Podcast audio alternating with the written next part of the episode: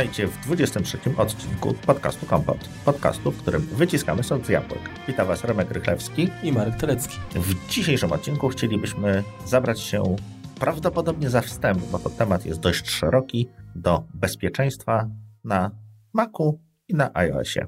Głównie na Macu, bo tu jest więcej możliwości, więcej można tak naprawdę zadziałać, ale no, będziemy starali się poruszyć tę kwestię właśnie na, na jednej i na drugiej platformie. No bo to się jak gdyby zazębia. No, wiele aspektów naszego bezpieczeństwa to są hasła, czyli będą i tu, i tu. To jest jakiś tam iCloud, czyli też występuje w dwóch miejscach. Natomiast no, nie będziemy rozmawiać, nie będziemy dyskutować na temat bezpieczeństwa fizycznego, czyli zabezpieczeniach typu, nie wiem, jakieś linki, osłony czy, czy, czy inne takie rzeczy. Zajmiemy się po prostu kwestią elektronicznych zabezpieczeń. Jak tu się nie dać schakować, ewentualnie w jaki sposób zabezpieczyć swoje dane, no żeby po prostu było jak najbardziej prywatne. No, nie da się ukryć, że dziś komputery, a zwłaszcza no, urządzenia mobilne, tak, stanowią no, taki nasz, takie kurczę, nie jakby to nazwać, tabernakulum z tym całym naszym dorobkiem życia wręcz. No to nie chodzi tylko o kontakty, ale no nie wiem, kwestie nawet chociażby płatności teraz tak przecież możliwa. Tak, no coraz więcej. No ten e-obywatel wchodzi, czyli powoli dowód w komórce. Dokładnie. Także to wszystko sprawia, że utrata takiego mm, no, urządzenia jest może nawet nie tyle jakąś tramą, tak, co świadomość, że ktoś mógłby się do tych danych, tych informacji dostać, no to już jest niestety mało, mało e, budujące. No tak, no teraz jakbyś, nie wiem, zorientował się po 10 minutach po wyjściu z domu, że nie wziąłeś, nie wiem, kluczy portfela, telefonu, której z tych trzech rzeczy, to przy których byś się cofał? Pewnie przy telefonie. Dokładnie, no bo to jest podstawą wszystkiego. No bez pieniędzy sobie człowiek poradzi w jakiś tam sposób. Bez kluczy, no to może go do domu wpuszczał, no jak za długo nie posiedzi na zewnątrz, natomiast no... No w razie co, gdy zostawiasz dom otwarty, to jak masz telefon, to zadzwonisz do sąsiada, żeby wszedł, zabrał klucze, zamknął. Czyli widzisz, no nie da się, nie da się bez tych naszych elektronicznych gadżetów już funkcjonować normalnie. No, zgadza się. No ale dobra, przejdźmy troszeczkę do historii, no bo tak tutaj przeszliśmy do jakby do końca, czyli do tych telefonów, czyli tego, co mamy aktualnie. Było, nie było najnowsza jakby zdobycz technologiczna nasza, no ale zaczęliśmy dbać o bezpieczeństwo właściwie na pierwszych komputerach, natomiast no to było takich komputerach, jeśli chodzi o komputery domowe, no to było to bardzo prywatne. No właściwie każda osoba, która miała dostęp do Y, do komputera, no, no była tam no, administratorem, bogiem. No. Jakieś tam zabezpieczenia były, czy, czy, czy w czasach 8 czy 16-bitowych, czy nawet w pierwszych Windowsach. Natomiast czy one były skuteczne? No niekoniecznie. No. To jednak były systemy jednoużytkownikowe, to takie popularne domowe, które, do których jakby dołączono możliwość logowania wielu osób. No podobnie było z systemem klasycznym jak i, jak i z Windowsami tymi 95, 8, Millennium.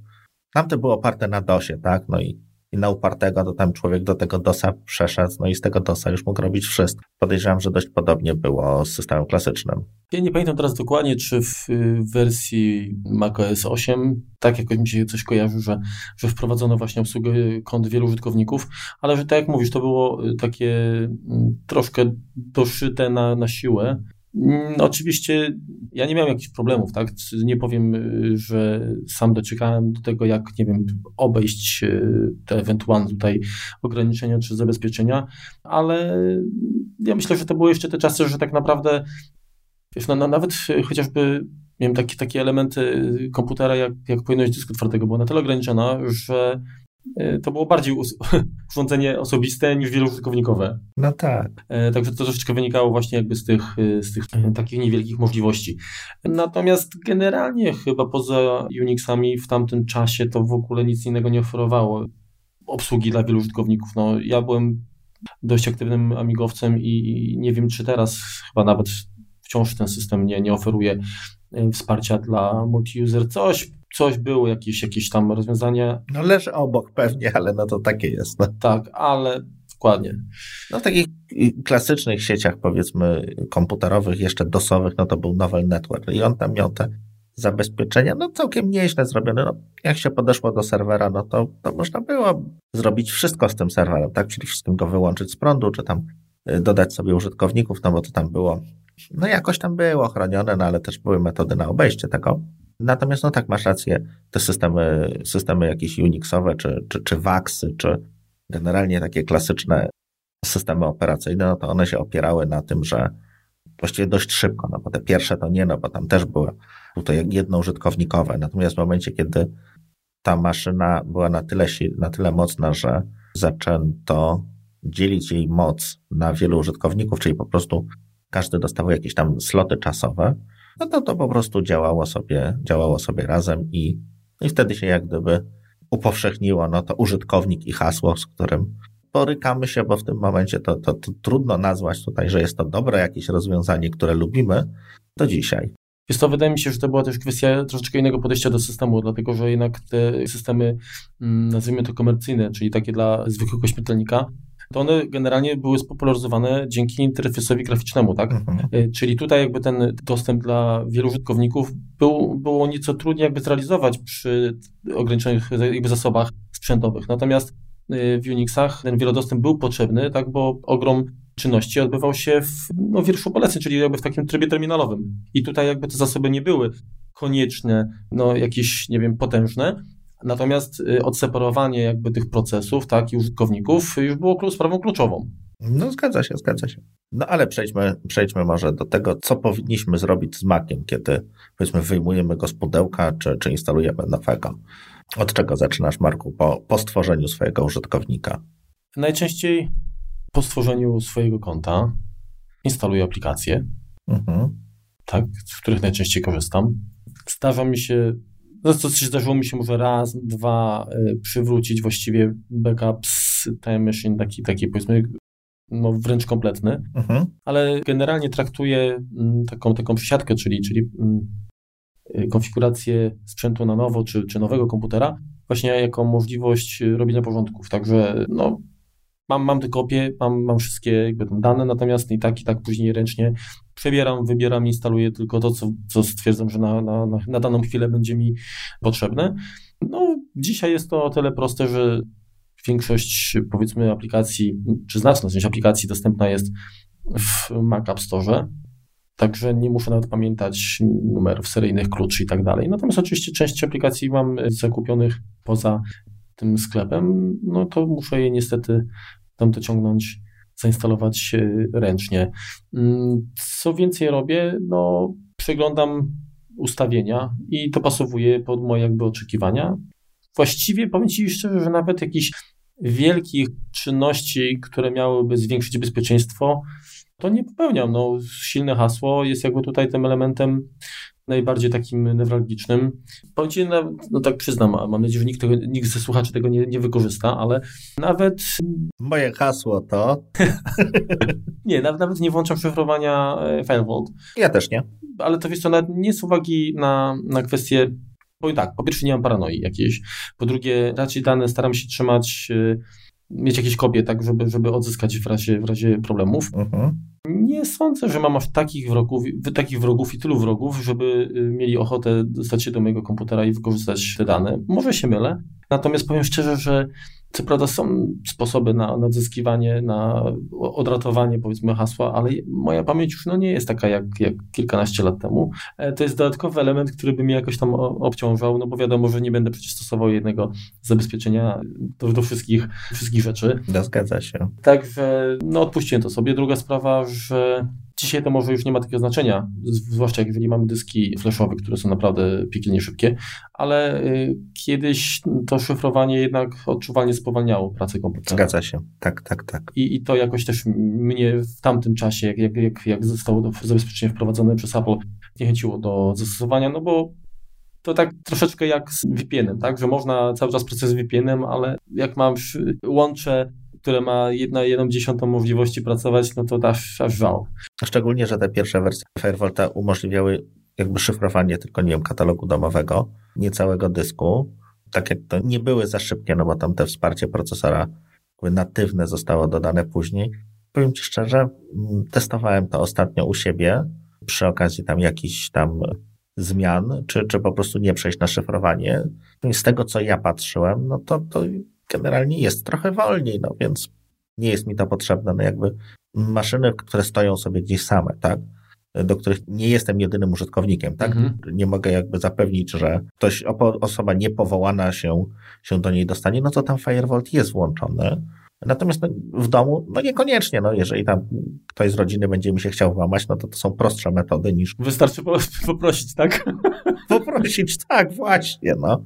Jakby tutaj nie mamy jakichś takich sekretów. Tak, no my, my to generalnie komputer mamy zawsze ze sobą, nie? Także to tak no tak, no naszego przytyłku, więc no... W tyle, w tyle kifeni. No na szczęście nie, jeszcze tak nie przytyłem, ale nawet jeżeli go gdzieś zostawiam, no to mam po prostu hasło na, na jakimś wygaszaczu. Zresztą on się i tak i tak usypia sam mhm. po, po jakimś tam czasie, no potrzebuje tam hasła. Więc e, tak, no jest to, jest to, jest to wygodne. Natomiast ja podobno paranoję mam, natomiast Firewalta nie mam włączonego. Mówić. Natomiast mam włączone zaporę sieciową i to jest jedna z no tak, dokładnie. pierwszych rzeczy, którą robię. A, a nie jest tak, że, że w standardzie ona już jest załączona? A, a, wyłączona jest niestety cały czas. Aha, no to generalnie, no się ja, ja załączam też oczywiście. No i generalnie tam jakieś ustawienia właśnie udostępniania w preferencjach to też tam dostosowuję. Konto gościa dobrze wyłączyć. Tak, tak. Wyłączam dokładnie. Mhm. Tak, i tak jak, jak mówisz, tam kwestie hasła na, na wygaszaczu, czy jakieś tam aktywne narożniki, tak żeby, żeby powiedzmy tam szybko też zablokować w razie, w razie no, gdy muszę opuścić komputera, nie wiem, w pracy powiedzmy od biurka odejść, mhm. E, no to, to, to tak. Natomiast wszystko na poziomie takim, myślę, e, rozsądnym. No, na pewno nie, nie, nie załatwiam jakby tego, tych zabezpieczeń y, stuprocentowych, ale no mówię, to jest jakby ryzyko, z którym się godzę, też mówię, nie chcę jakoś tam specjalnie popaść w paranoję. Oczywiście mam załączoną opcję znajdź mojego Maca. Oczywiście, tak. Pęk kluczy pewnie synchronizujesz przez iCloud. Tak, tak, tak, tak. Ja też tutaj aż taki... Nie mam automatycznego logowania włączonego, także na, na dzień dobry po uruchomieniu mhm. oczywiście okienko logowania jest. No, konto kościołowe wyłączone, to już wspomnieliśmy. No właściwie tyle. Później to są jakieś rzeczy, ale to już e, związane bardziej z użytkowaniem, a, a nie z zabezpieczaniem. Natomiast dojdziemy jeszcze do tego, jakie aplikacje, powiedzmy, czy jakie rozwiązania stosujemy, czy, czy, czy, czy mamy możliwość zastosowania. No tak, no warto też pamiętać, powiedzmy, no może nie w domowym jakimś tam scenariuszu, natomiast już w takim biurowym również, że no dobrze, no możemy szyfrować te, te dyski, te komputery, natomiast w tym momencie co robimy z kopią zapasową? No to kopię zapasową też powinniśmy szyfrować. Dokładnie, dokładnie. Tak. No bo wszystkie dane, które, które posiadamy lokalnie, gdzieś trzymamy na kopii. Czy to będzie jakiś tam time machine, czy to będzie jakaś tam inna kopia korporacyjna na jakimś tam nasie, czy czymkolwiek, czy serwerze, czy w chmurze, no to musimy jak gdyby, jeżeli już powiedzieliśmy A, czyli szyfrujemy lokalnie, no to powiedzmy B, C, D, I i reszta alfabetu, szyfrując wszystkie inne instancje nasz, danych, które gdzieś tam wysyłamy. Hmm. A tu już się czasem robi problem. To znaczy? Nie wszystkie te, czy aplikacje, czy programy do kopiowania umożliwiają dodatkową, dodatkowe szyfrowanie danych. Mhm. No ja korzystam z Time Machine, tam opcja taka jest, także... No jest, no, na Time Machine jest, tak, tak. Także tak. nie ma problemu. Chyba Carbon Copy Cloner też takie coś oferuje, czy nie? No właśnie nie. No on robi butowalną tą kopię. Ale możesz mieć zaszyfrowany wolumin. To w ten sposób będzie działało. Natomiast sam z siebie no, on musi mieć dostęp do tych plików w czystej postaci. Okej. Okay. No tak patrzę, ale faktycznie jakoś tutaj na szybko nie, nie, nie, nie widzę tej opcji. Także może być tak, jak mówisz dokładnie. Znaczy, no tak, no bo jeżeli chcemy butowalną, jeśli chcemy zrobić klona po prostu, no to wtedy faktycznie byłoby ciężko chyba nawet. No można ewentualnie jeszcze pomyśleć o zabezpieczeniu, o założeniu hasła po prostu na dysk. Zgadza się. Także jeżeli ktoś... Nie... Natomiast też tego nie, nie robię. Czyli to jest takie powiedzmy zabezpieczenie na poziomie EFI, tak? Czy, czy tam powiedzmy BIOSu, mhm. krótko mówiąc. Hasło sprzętowe. Okej. Okay. Teraz właściwie, jeżeli patrzymy na, na bezpieczeństwo, no to bardziej jesteśmy narażeni na takie ataki przez przeglądarkę, czy przez, generalnie przez sieć. Tak, czyli, czyli nie ten dostęp bezpośredni, e, czyli tak jakbyśmy sobie właśnie założyli jakieś tam hasło, czy, czy szyfrowali dysk, natomiast przez jakieś tam włamanie z zewnątrz, czy, czy, czy do naszych jakiegoś komputera bezpośrednio, czy do naszych danych, które gdzieś tam udostępniliśmy. No zgadza się. Komputer podłączony do sieci jest no, potencjalnym celem tak, ataku. I tutaj zawsze y, niestety stopień bezpieczeństwa naszych danych jest dokładnie odwrotnie proporcjonalny od wygody, którą my mamy, jeśli chodzi o dostęp do nich. Więc zawsze, ale to po prostu zawsze jest to w jakiś tam sposób jakiś kompromis, no. Na ile to, z czego, z czego, na co decydujemy się, będzie dla nas wygodne, versus na ile będzie to po prostu bezpieczne. No właśnie, a to, to jak, jak ty zabezpieczasz w takim razie swój komputer, jeżeli chodzi o, o, o, o ewentualne ataki? Znaczy tak, no podstawą jest, no tak jak, tak jak mówiłeś, no włączenie, tak jak mówiliśmy, włączenie firewalla. E, jeśli, jeśli loguje się do, do sieci gdzieś, do obcej sieci, tak to nazwijmy. E, natomiast bardzo ważne jest dla mnie to, że router, który zabezpiecza mnie jak gdyby przed, przed siecią tą jako globalną, jest po prostu przyzwoicie skonfigurowany. Nie jest to jakiś najtańszy możliwy router, który uaktualnienie miał, jak miał, to miał ostatnią wersję firmware'u sprzed pięciu lat. No, trochę, trochę się w takie coś, takie coś nie bawię.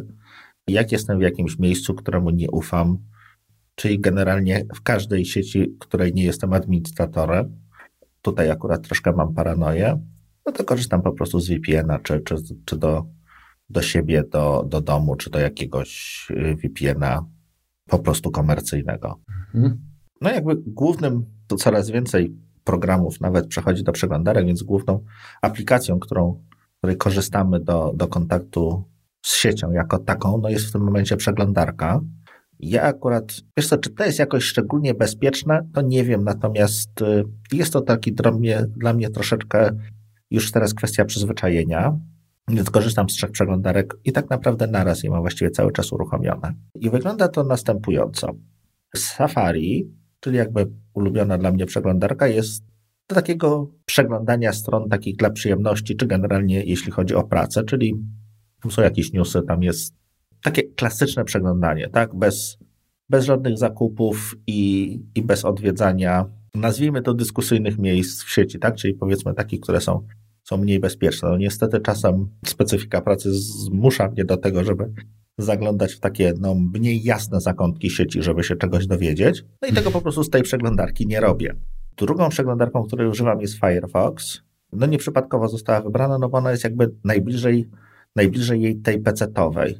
I to jest przeglądarka, z której robię zakupy.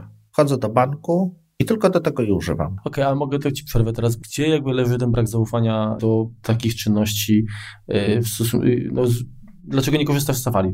Ja przeciwnie, nie mam, to nie jest tak, że ja nie mam zaufania do Safari. Chodzi o to, że jeśli komuś by się udało podczas tej mojej, mm, nazwijmy to takiej rozrywkowej sesji internetowej zainstalować mi coś do tego Safari, tak? Jakiegoś JavaScripta, który by przez... Okej, okay, dobra, rozumiem. Czyli, czyli po prostu chodzi o to, że yy, dużo się sporadycznie jakby korzystasz z takich y, działań typu właśnie logowanie do banku i dlatego stosujesz do tego dedykowany, dedykowaną aplikację. Tak. Okej, okay, dobra.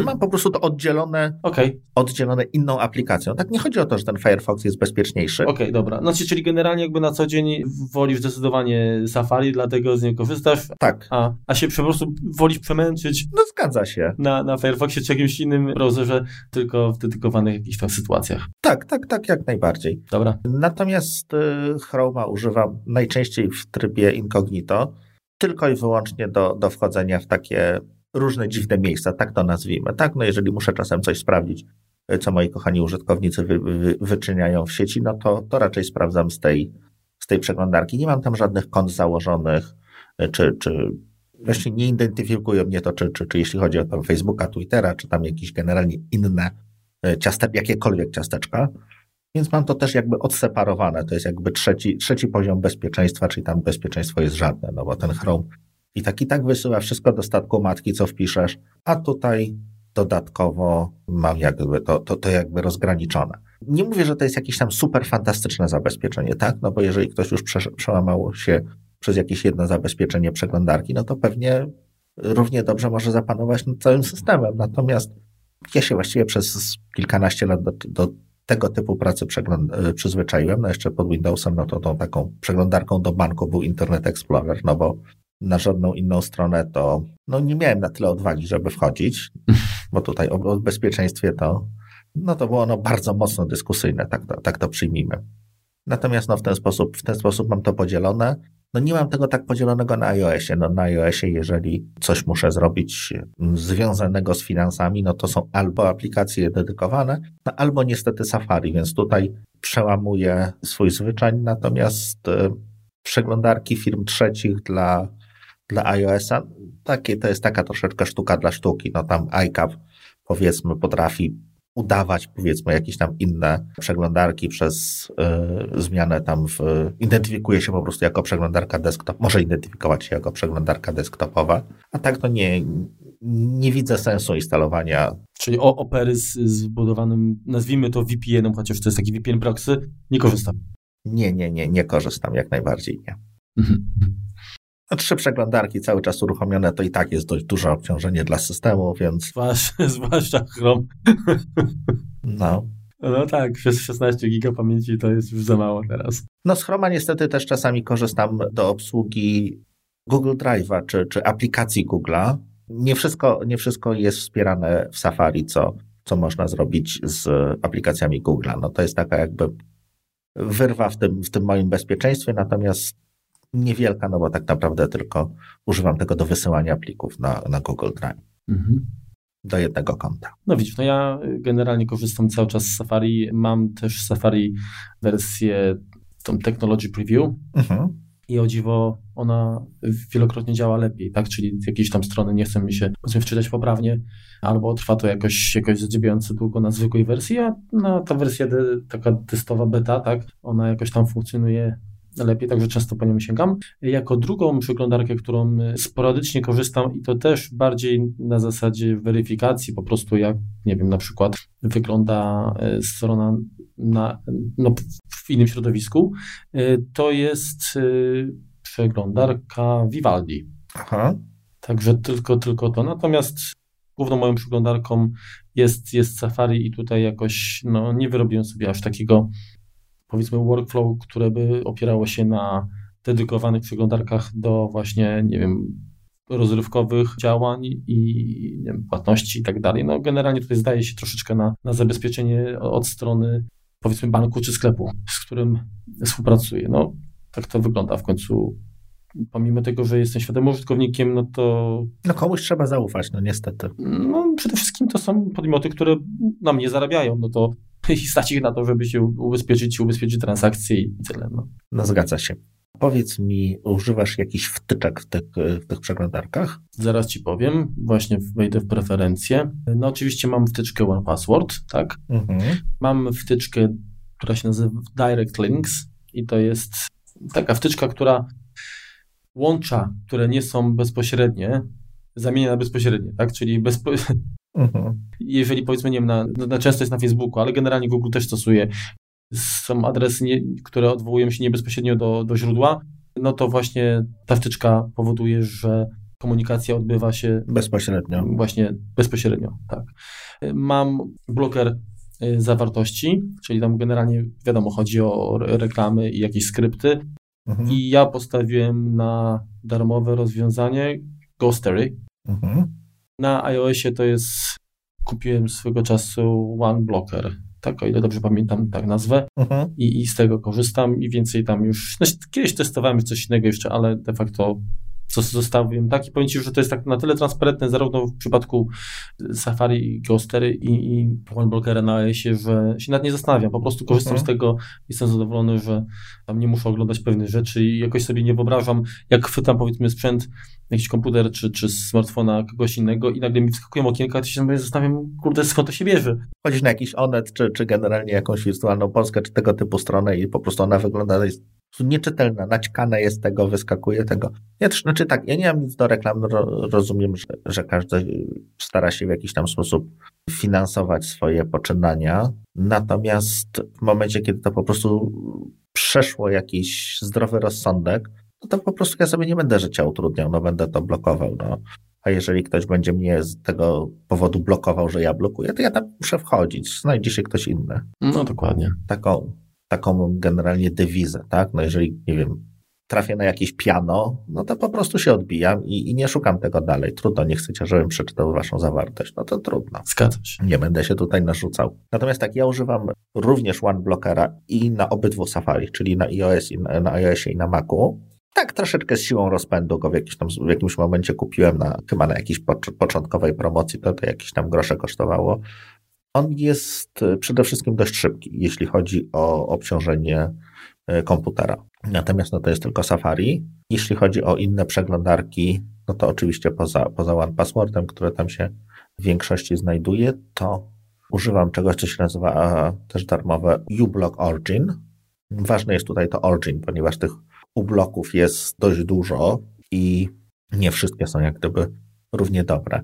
Fajnym rozszerzeniem jest jeszcze taki coś, co właściwie tylko chroni prywatność dla osób, które chcą wspierać twórców stron, no to jest e, Privacy Badger.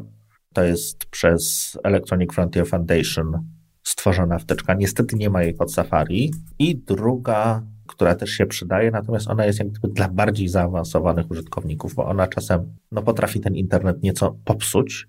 To jest HTTPS Everywhere, czyli jak sama nazwa wskazuje, no ona blokuje wszystkie odwołania nieszyfrowane, czyli po, po gołym tak zwanym HTTP do stron. Natomiast no, po, powoduje to, że czasem się zdarza tak, że nie wiem, jakiś CSS się nie załaduje, czy jakaś grafika się nie załaduje.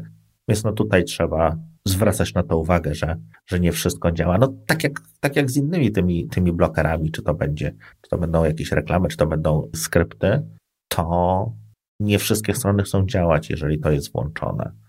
Powiem szczerze, tak naprawdę, jeżeli spojrzy się na to, co uruchamia teraz przeglądarka, ile tych skryptów się uruchamia, to te skrypty są nawet gorsze i dla baterii, i dla naszego bezpieczeństwa, i dla naszego prywatności, i generalnie dla wszystkiego, y, niż te reklamy. Ilość, która po prostu się pojawia, no to są już nie dziesiątki, już to są setki różnych wywołań, które po prostu gdzieś tam w tle chodzą, analizują nie wiadomo co nasze ruchy. No. Drażni mnie to i staram się z tego pozbywać. Jest, wiesz, to jest przede wszystkim takie są takie sieciowe pasożyty, tak? Bo de facto zobacz, jak y, wzrosły, nie wiem, szybkości, wypustowości łącz. Strony o, o, oczywiście też stały się cięższe, więcej tych multimediów i tak dalej, ale kiedyś można było po prostu przeglądać internet na łączu, nie wiem, 33600, tak powiedzmy, czy nawet na, na wolniejszych, a w tej tak. chwili masz y, łącze kilkumegowe i, i kurczę, czekasz i się wlecze. Nie? I się wlecze. I to jest niestety tak. rezultat tego, że poza tą informacją użyteczną, taką, którą my sami tak chcemy po prostu pobierać, no to mhm. kursuje jakieś całe tałatajstwo właśnie w postaci tych, tych, tych skryptów, już nie mówię jakieś tam spamie i tak dalej, ale no to jest jakaś, jakaś masakra. No nawet biorąc pod uwagę, nie wiem, samą moc procesora, tak, no to kiedyś tak się mówiło, komputer do pisania tekstu, tak, to jakiś tam, no nie wiem, Pentium trzeba kupić Teraz się okazało tak, że komputer do przeglądania internetu nagle ludzie zaczęli kupować i ten komputer, który kupiliśmy do przeglądania internetu, nie wiem, nawet niech będzie 5 lat temu, to on teraz już ledwo żyje. Czy ten internet się jakoś zmienił? No dobra, jest trochę więcej grafiki, jest trochę więcej wideo, ale nie o skalę więcej, jest tego nieco więcej. Natomiast wykładniczo jest więcej po prostu tych skryptów, tego, co się jak gdyby uruchamia w tle. No bo masz, masz y, wiekowy, powiedzmy, komputer i na nim uruchomisz grę, która no sama w sobie jest po prostu nie wypasiona, a strona przycina. Będzie, będzie kucać, dokładnie tak. Tutaj się jak gdyby bronimy, chronimy i, no i oszczędzamy nasze zasoby. No kolejnym problemem jest teraz taki, taka moda, że strony zamiast wyświetlać reklam, zaczynają liczyć jakieś kryptowaluty. Tam jest y, w kilku miejscach to, to, to zaczyna być tam popularne. Powiem Ci szczerze, jeśli byłoby to rozszerzenie w przeglądarce natywne, tak, czyli generalnie niech te podstawowe przeglądarki miałyby taką możliwość, mhm. czyli generalnie, żeby to było wydajne, tak, no bo jeżeli oni sobie liczą te, nie pamiętam już jakie, ale nie bitcoiny, coś tam innego, przy pomocy JavaScriptu, to i tak, i tak te 80% pary idzie w gwizdek, tak, no bo to, to nie jest wydajne, to nie jest do tego. Natomiast jeżeli mógłbym przeznaczyć tak, że ustawiam sobie suwaczkiem, że no nie wiem, do 10 czy do 20% mocy mojego procesora jest poświęcone na, na liczenie tam pieniędzy, monetyzowanie po prostu, czy finansowanie czyjejś tam pracy, to ja byłbym jak najbardziej skłonny w kilku miejscach to włączyć. Wiesz co, ale właśnie też chciałem jakby tutaj wyrazić e, też, też właśnie swoje zdanie, że Dokładnie tak. Gdyby to nie było tak, że coś się dzieje poza moją wiedzą i ktoś po prostu, no, krótko mówiąc, mnie dyma, tak? To ja zupełnie inaczej będę tylko podszedł, tak? No bo przecież y, już kiedyś wspomnieliśmy, y, były te programy chyba na cały czas funkcjonują, Set at Home, mhm. czy, czy... Bio, Biong, czy tam to, to marszczenie białek, no.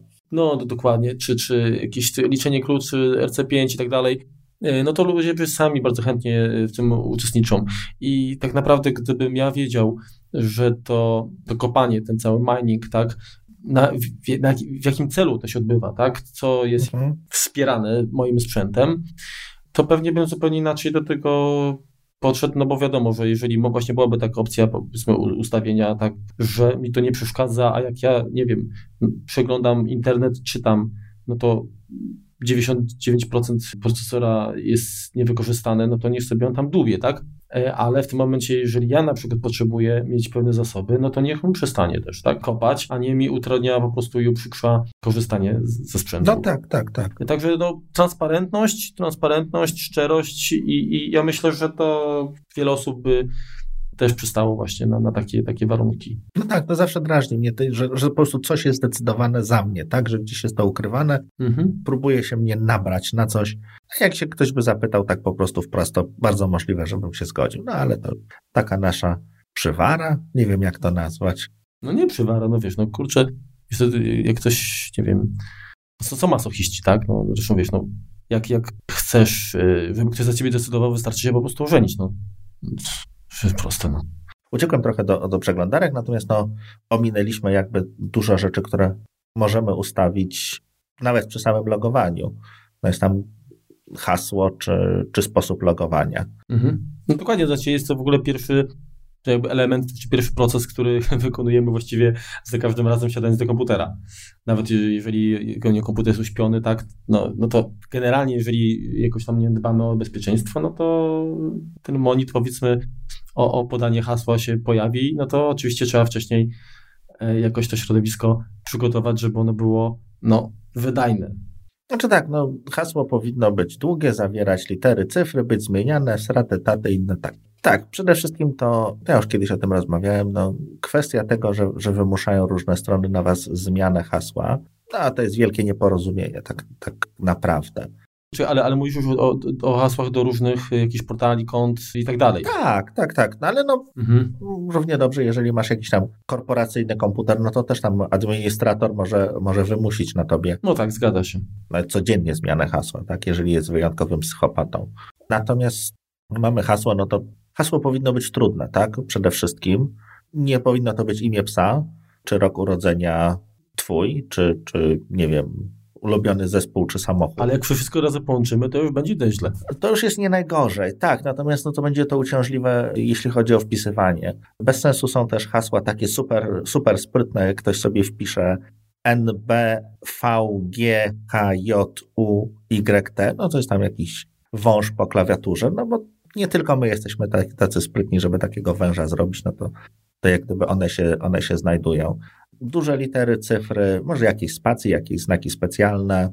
Natomiast bez przesady, no hasło, które ma rzeczywiście duże litery, małe litery, cyfry, jakieś znaki specjalne i ma chyba nie wiem, 12 czy 14 znaków, to to no i tak się tam parę tysięcy lat na jednym komputerze będzie liczyło, więc wystarczy, nie, nie musi mieć 40 znaków. Natomiast no, no ważniejsze jest to tak naprawdę, żeby ono było niepowtarzalne, tak, żeby to, to, to hasło mielibyśmy używane jedno hasło używamy w jednym, w jednym miejscu. Jeśli chodzi o zmianę, bo to tutaj też zacząłem mówić, to częste zmiany hasła powodują, że czemu są generalnie administratorzy wymuszają, czy, czy jakieś tam strony wymuszają zmiany haseł? Ponieważ istnieje coś takiego, co się, co się ładnie nazywa erozją haseł, czyli potencjalnie, nie wiem, logując się w pracy, no to po tam, nie wiem, 90 dniach ktoś ci podejrzy, jak się logujesz, jakiś tam kolega i, i to twoje hasło pozna. Lub mu sam podasz, no bo akurat, no słuchaj Staszek, możesz tam się zalogować, bo ja się spóźnię, nie chcę, żeby szef tutaj widział, że mnie nie ma. Tak, no zdarza się, no jesteśmy tylko ludźmi i, i, i czasem te hasła, no podajemy innym, no można być tutaj jakiś tam idealistą i tak dalej, natomiast jeżeli spojrzy się praktycznie, no to niestety coś takiego się dzieje. Wydaje mi się, wiesz co, że jeszcze jest jedna kwestia, znaczy to może nie, nie tyle tyczy hasło logowania do komputera, ale właśnie do tych różnych kont, że jednak najczęściej, jeżeli korzystamy do logowania się właśnie do tych miejsc przez przeglądarkę, to dla wygody zapamiętujemy te hasła. No to tu już jest też jakiś potencjalny słaby punkt i wymuszenie zmiany, no powoduje, że, jak, że jakby powiedzmy to ryzyko nieco, może nie za dużo, ale, ale nieco się minimalizuje, tak? Mhm. Natomiast wiesz, no, z drugiej strony jest coś takiego, co się nazywa trywializacją haseł, czyli jeżeli każą ci je zmieniać raz na miesiąc, no to w którymś momencie skończą ci się pomysły i zaczniesz je numerować. No to co za kurczę problem, jak już poznasz hasło, że ono się, na, jest to, nie wiem, zielony ogródek 7, patrzysz jaki mamy miesiąc, no dobrze, no. Miesiąc się zrobił ósmy, no to mamy zielony ogródek 8, no. Ojej. No niestety, no ludzie nie, nie, nie bardzo lubią zapominać haseł, też jest to dla nich nie, nieprzyjemne i dość wstydliwe, więc sobie radzą, radzą sobie jak mogą, więc no po prostu je zaczynają numerować, więc cała idea tego, żeby hasła zmieniać, to tak naprawdę jest, jest bezsensowna, jeżeli wymuszamy to. Jeżeli użytkownicy rzeczywiście po wiem, roku, dwóch stwierdzą, że warto by to hasło zmienić, no to wtedy, wtedy niech je zmienią sami, natomiast zmuszanie ich, ja, ja jestem tutaj wielkim przeciwnikiem. A właśnie, powiedz mi tak, jeżeli chodzi o zabezpieczenie komputera, tak, to korzystasz z hasła, czy masz jakiś, nie wiem, kod alfanumeryczny, chociaż czy można w ogóle? Nie, kodu... Nie, aha, ty to jest na w iOSie możemy, tak? W iOSie, tak. Okej. Okay. Czy korzystasz z Touch ID na, na, na Maczku? Tak, jak najbardziej korzystam. Bardzo, bardzo wygodny. Działa właściwie tak jak w tej pierwszej generacji z Touch ID iPhone'ach. No nie są super fantastycznie szybkie, natomiast działa niezawodnie. Mhm. Nie jest to jakieś, i to też teraz tak, wprowadzenie biometrii, czyli niech to będzie, no cokolwiek, tak, teraz mamy Face ID. W, w telefonie rozpoznawanie twarzy, tak, Face ID. No właśnie. Mhm. Nie jest bezpieczniejsze niż hasło jest inne. To, że, to, że dotykamy, dotykamy palcem, czy, czy, czy, czy, czy mamy jakiś token, tak? No bo ta autentykacja dwuetapowa, no to dodaje to, że mamy token, czyli potwierdzenie, że no mamy gdzieś ten telefon. No okej, okay, ale jeżeli to przychodzi na ten sam telefon, który ja i tak już mam, no to jaka jest różnica? No nie ma żadnej. Zwiększenie bezpieczeństwa jest tylko, jeżeli to hasło, czy ten token, czy tą biometrię, no połączymy po prostu ze sobą, tak? No niestety systemy aplowskie nie uwzględniają jeszcze takiej możliwości. To jest albo to, albo to, więc tak naprawdę no jest to mniej bezpieczne, natomiast jest to wygodniejsze, tak? No to, to, to, to trzeba jakby mocno zaznaczyć, że, że to nie chodzi w tym momencie o bezpieczeństwo, tylko o wygodę, żeby nie wpisywać tego hasła. Można również odblokowywać Maca przy pomocy zegarka. Mhm. No i to też miałem tam włączone. Znaczy, aktualnie mam to włączone, natomiast w momencie, kiedy podnoszę klapę komputera, przykładam palec, no różnie. Czasem, czasem zdążę odblokować to, to zegarek, czasem zdążę odblokować palec przez Touch ID. Ale no to jest też, też wygoda. No tutaj nie mam jakiejś tam specjalnej paranoi, mam to włączone. No ja wiesz, akurat Apple Watcha nie mam i do tej pory to kiedyś korzystałem z takiej aplikacji Kika, mhm. natomiast aktualnie, chociaż no może, może tak, trochę się pobawiłem tym, natomiast na co dzień rzadko korzystam z tego, to jest y, aplikacja Mac ID, która sobie tam... No to też miałem kiedyś, kiedyś używałem tego. I to bardziej korzystam jakby w tym celu, że jak odchodzę na jakąś odległość... Żeby zablokował. Tak mhm. zabieram, tak, żeby się zablokował sam. No, to jest całkiem, całkiem, całkiem przyjemne. A powiedz mi Marku, czy używasz jakichś e, dodatkowych firewalli, czy jakichś aplikacji, które Wiesz co, tak. Ja, ja zresztą y, swego czasu, jak opisaliśmy o aplikacjach, które, które mamy zainstalowane, to wspomniałem, Czyli, znaczy mówiąc tak, poza zaporą sieciową, systemową, y, korzystamy z takiego rozwiązania, które się nazywa Radio Silence. No, dlatego, że systemowy firewall praktycznie zajmuje się połączeniami przychodzącymi, natomiast ja troszkę chciałem mieć kontroli jakby na tym, co się dzieje, jeżeli chodzi o, o sygnały wychodzące i tutaj Radio Silence pozwala no podejrzeć tak, bo tam za dużo nawet nie blokuje, ale przynajmniej wiem jakby co się dzieje. Swego czasu rozważałem zakup i pewnie kiedyś się dokonam tego aplikacji Little Snitch.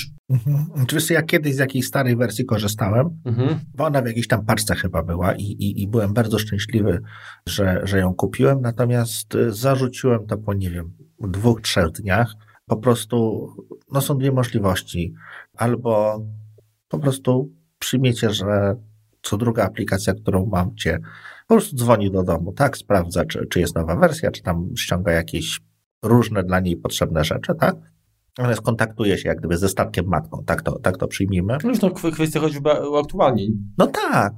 albo po prostu pozwalasz na wszystko, albo blokujesz wszystko. No, za dużo jest tych komunikatów i, i, i po prostu je odinstalowałem. No, pewnie powinienem wytrzymać z nią jakiś tam tydzień, dwa, ustawić sobie to, co, to, co powinienem, zezwalać, to co, no, to, co powinienem blokować, ale nie masz tyle wiedzy tak naprawdę, żeby ta decyzja, którą podejmę, no, była jakaś sensowna, no bo nim zezwolę czy na, na, jakiś, na jakieś, tam, jakieś tam połączenie, no to powinienem sprawdzić, co on tam wysyła. A powiem szczerze, nie chce mi się. Wiesz co, ja tak, tak teraz myślałem, że ciekawym eksperymentem byłoby zainstalować system na czysto, zainstalować Little Snitcha i zobaczyć w ogóle, co tam się dzieje. Myślę, że już tutaj to, a tam to, też się tak, dzieje. Że tak, tu już by było dość niepokojące. No i co? No, no ale to. No to co iCloudu się pozbędziemy. Mm, no. No właśnie. No dokładnie, dokładnie. Tam bardzo dużo rzeczy systemowych po prostu się, tak jak, tak jak mówisz, pytało. No i, i tak naprawdę ja nie wiem, czy to jest FBI, czy to jest iCloud. Hmm. No bo skąd mam wiedzieć? No tak, wszystkie demony i tam inne, tak, jakieś tam procesy. No. No się to można tam wyszukać, wygooglować, tak, ale no trochę y, po co robić sobie dodatkową pracę, tak? No, jak ktoś będzie, jak będziemy na emeryturze, to opanujemy to. Zgadza się, no nie mam na tym komputerze nic, co by mnie obciążyło, tak? Nie mam, nawet jeżeli mój komputer wpadnie w ręce jakichś tam służb, czy, czy, czy lubianych, czy, czy nielubianych, natomiast no to nie ma tam nic, co by mnie obciążało, tak? Więc niech sobie to będzie, no tam są jakieś umowy, tak? No więc, czy, czy kwestie finansowe, które chciałbym za, zachować tylko dla siebie, natomiast tak naprawdę no, dla chcącego to niestety, czy, czy to będzie Mac, czy to będzie jakiś tam inny komputer, no to, to dane się da wyciągnąć. No i jakby żyję z tą świadomością i, i nie chcę sobie dodatkowo utrudniać życia. Mhm. A powiedz mi, jeżeli chodzi o pozyskiwanie aplikacji, tak? No bo to Mhm. też kupujesz y, pewnie w Mac App Store, czy na przykład instalujesz programy, które system wysyła ostrzeżenie z gatekeepera, tak, że, że, że, że aplikacja jest, no, nie ma nie wiem, certyfikatu, czy jest podejrzana, coś tam. Zdarza mi się, ale no to są aplikacje, które są otwarte, najczęściej z otwartym kodem źródłowym. Mhm. W tym momencie, no, no dobra, no nie, też można mieć paranoję, no próbować ten kod zrozumieć, no nie zawsze może być, nie wiem, luka w instalatorze. Kod, kod źródłowy będzie dobry, natomiast instalator będzie posiadał jakiś tam furtkę czy, czy, czy dziurę, natomiast Mhm. nie instaluję dziwnych programów, tak? Raczej, raczej staram się instalować programy czy deweloperów, które, którzy, którzy są na, te, na rynku kilka lat i mają jakieś takie zaufanie, czy, czy, czy są to po prostu jakieś otwarte projekty. Natomiast jestem, przestałem instalować bardzo dużo aplikacji. Tak? Mhm. No, kiedyś miałem taką metodę, że instalowałem wszystko, co się da i bardzo często z połowy, jak nie jest 70% nie korzystałem. Teraz instaluję tego trochę mniej, raczej to, co jest mi potrzebne i w ten sposób sobie jakby to, to, to radzę. Genialnie, że mamy tak naprawdę App Store'a iPhone'owego. Można na niego narzekać i, i można wieszać psy na to, że Apple nie wszystko wpuszcza do tego sklepu, że czasem wyrzuca za to, że ma ktoś brzydką ikonkę, czy kolory, które się nie podobają osobie, która recenzuje. Czasem przepuszczą jakiś badziewie, tak, które coś tam zacznie wysyłać. Natomiast i tak, i tak jest to o niebo bezpieczniejsze. I, to są lata świetne różnice w stosunku z tym, co się dzieje z Androidem. No to na pewno. Ostatnio rozmawialiśmy z, z kolegami. Żaden z nich właściwie nie używa aplikacji bankowych na telefonie. No, Dlaczego? No bo mają Androidy. I w sumie ich rozumiem. No dokładnie. Ja jeszcze chciałem wrócić do tego gatekeepera, Mhm. bo swego czasu było tak, że jak weszliśmy w referencje systemowe, właśnie ochronę prywatność, zakładka ogólna, tam mamy taką sekcję dopuszczaj programy pobrane z i Mhm. kiedyś były trzy opcje, tak? W tej chwili są standardowo dwie, czyli App Store bądź App Store i z, zidentyfikowani autorzy. Deweloperzy, tak. Natomiast wcześniej było z dowolnego miejsca i to oczywiście jakąś kombinacją tam, nie pamiętam teraz, już wpisem w terminalu można przywrócić, natomiast no, jest to jakby kolejny krok na jakby zwiększenie tej prywatności. Znaczy poniekąd to jest chyba marketingowo też. Ale też no, klikasz drugim, drugim klawiszem otwórz. Tak, zgadza się. Dokładnie. Natomiast no, jeżeli chcemy, to, to, to mo- można to jeszcze jak najbardziej powiedzmy automatyzować o, może w ten sposób. Pytanie teraz, czy chodziło o zwiększenie bezpieczeństwa, czy mimo wszystko przekonanie do tego, żeby, żeby więcej aplikacji nabywać e, w sklepie? Znaczy tak czy inaczej, Wiesz co, raczej bezpieczeństwa, no bo kwestia tego, czy certyfikat deweloperski, no to jest 100 dolarów rocznie, tak? Dobrze pamiętam? Tak. No więc tak naprawdę nawet projekty open source'owe, no to to nie jest jakaś tam zapora, której nie można przeskoczyć, tak? No, to, to, to, to, to nie są jakieś nie, nie, niestworzone niestworzona kwota, czy, czy podpisanie paktu z diabłem. No może bardziej właśnie to podpisanie paktu z diabłem, tak? Więc tutaj kwestia tego, że nie wiem, strzelam, VLC chyba nie jest podpisane, o ile dobrze, dobrze kojarzę, aczkolwiek może równie dobrze jest, no, ale pro, programy typu VLC no, właśnie zweryfikował, no nie jest, a nie, jest podpisany, tak, tylko stwierdził, że go ściągnąłem z internetu. Niektóre projekty, nawet, nawet open source'owe, jakby są podpisywane. Mhm. A powiedz mi tak, czy ty masz więcej niż jedno konto na komputerze? Nie. Czyli jesteś, jesteś y, sterem, żeglarzem i, i, i, i okrętem. Mhm. Okrętem, łajbą, tak. I balastem również. Bo z swego czasu była taka sugestia, że ok, trzeba założyć konto administratora, ale potem dla siebie założyć konto normalne i później podawać po prostu jakby to hasło tak za każdym razem, jak, jak się tam coś instaluje, działa, potrzebujesz i tak. Coś potrze- trzeba grzebnąć, tak. Jakie jest twoje zdanie, na, na, jak punkt widzenia na to? Teoretycznie bardzo dobry pomysł, w praktyce nie używam, więc siłą rzeczy, no tak, wiesz co, no, to jest uciążliwe, tak? To jest kolejne jak gdyby coś, co będzie spowalniało, blokowało pracę moją, czy, czy pracę osób, które muszę udostępnić tam jakieś tam środowisko, mówiąc już o, o pracy, czy, czy nieważne co to będzie. Co, no, no niestety, trzeba w jakiś tam sposób zaufać użytkownikowi, czy ja wychodzę z takiego założenia i pozwolić mu na pewne rzeczy po to, żeby był po prostu wydajny, jeśli chodzi o pracę, tak? Jeżeli zablokujemy wszystko, no to on sobie za dużo z tym komputerem nie zrobi, no bo za każdym razem po prostu będzie trafiał na jakąś blokadę, która po prostu nie pozwoli mu iść dalej. No, jeżeli to jest, nie wiem, uczeń tak w szkole, no to jasne, tego akurat klienta zablokujemy, no bo on będzie robił wszystko, żeby ten komputer... No tak, czyli, czyli dostanie konto, użytkownika zwykłego, standardowego. Tak? Zwykłego, mhm. tak, tak.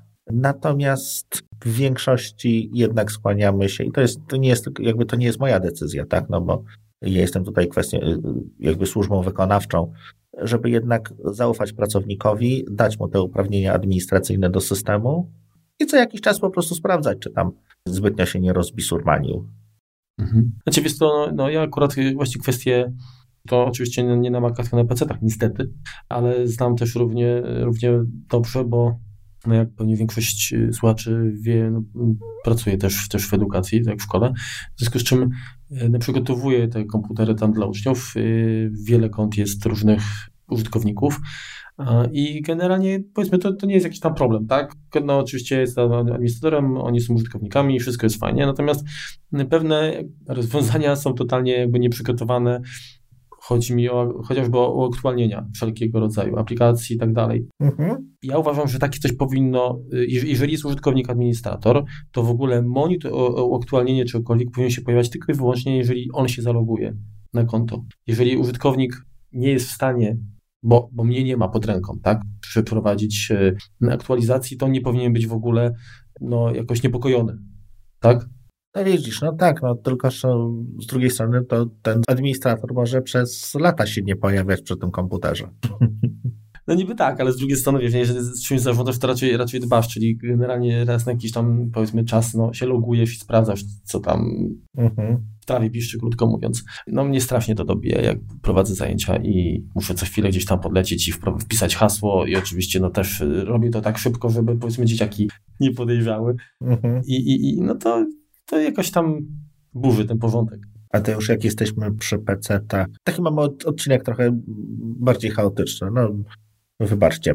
E, a jakie jest Twoje zdanie na temat antywirusa? PC i Mac. Hmm, powiem tak. Z mojego doświadczenia z komputerami z jabłuszkiem, czyli od no, zeszłego stulecia, 96 roku, to ja miałem do czynienia z, praktycznie z jednym wirusem na system klasyczny. Mhm to był bodajże MBDFA, taki, tak się nazywał. No nie mówię jeszcze o takim, nazwijmy to wirusie, który był robiony dla, dla jaj, czyli tak wirus Newton, którego sam instalowałem, żeby pokazywać po prostu, jak jaja można robić z komputerem, bo on wykorzystywał chyba ten tak zwany sudden motion sensor, czyli taki żyroskop, który parkował y, dysk mhm. i, i wtedy robił tam cudawianki na ekranie.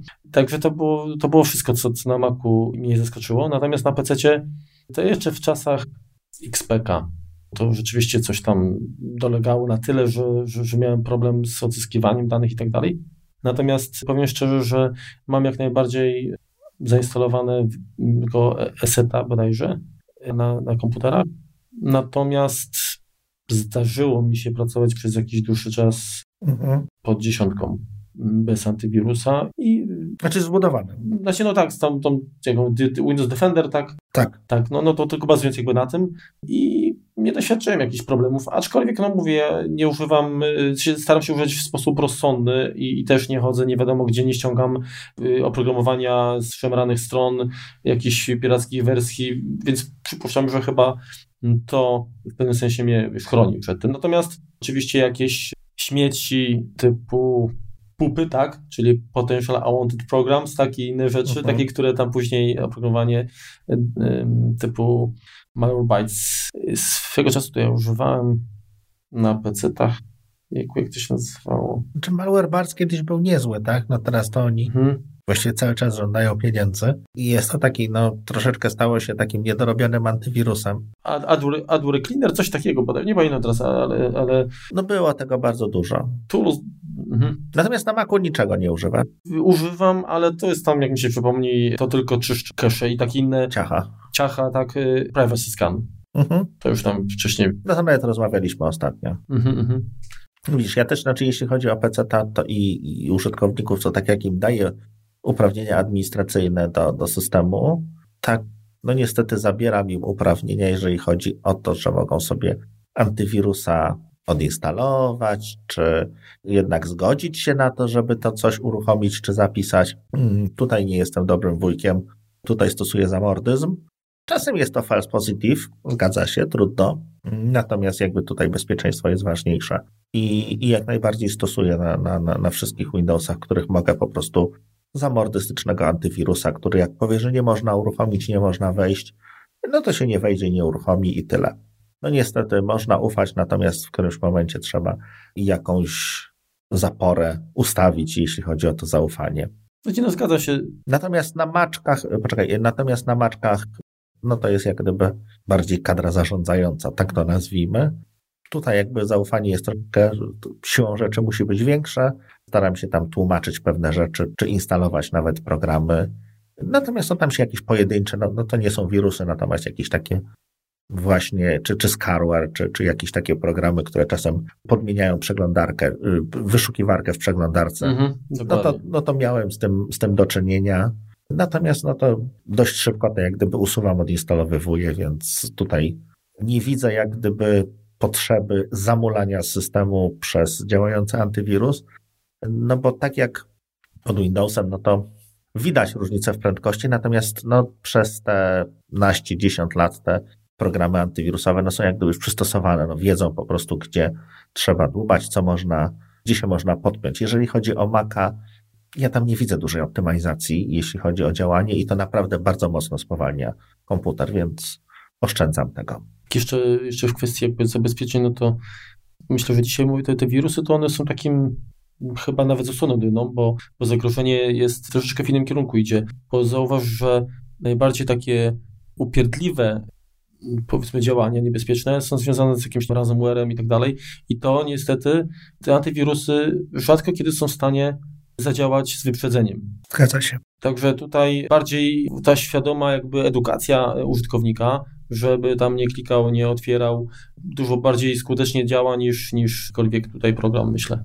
No tak, że ten mail z DHL-u to i załącznik, który chce uruchomić instalację nowego Acrobat Readera, to może jednak niekoniecznie jest dobry pomysł. Hmm. Um, no właśnie.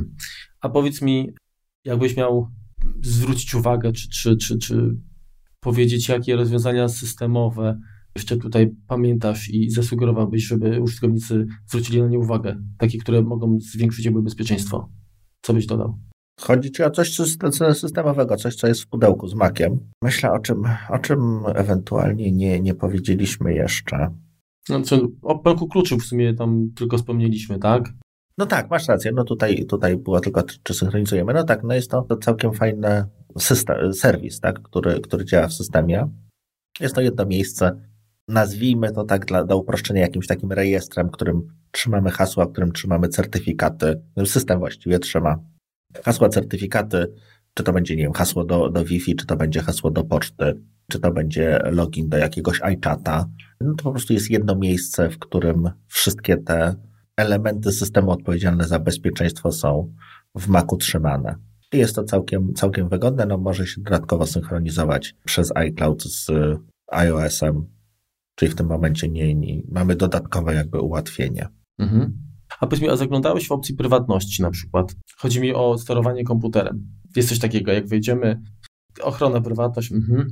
A już widzę, tak, tak, tak. Mhm. I mamy na przykład, nie wiem, kwestię dostępności, jakieś aplikacje, jeżeli zainstalowaliśmy, tak, które mogą tam działać. Przyglądałeś, co tam jest? Tak, czy ja tam kilka rzeczy mam. Jeżeli chodzi o accessibility, mhm. no to mam PopClipa i Better Snap Tool'a zezwolonego.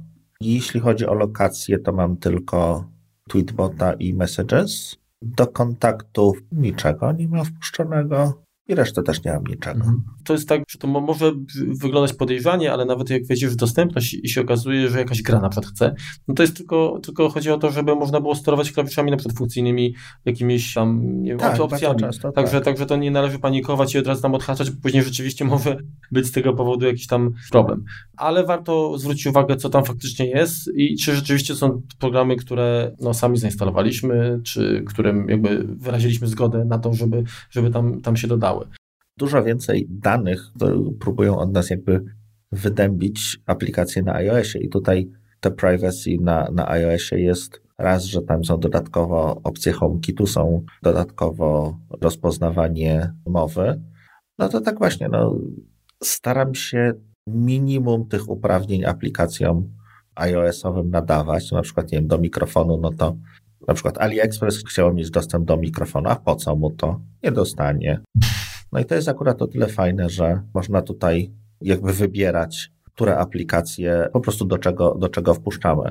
I tutaj też warto, warto to przeglądać, nawet jeżeli mamy jakieś tam aplikacje, nie wiem, niech to będzie jakieś związane z, wiem, z kupnem biletów, no to czy musi mieć dostęp do GPS-a? Hmm.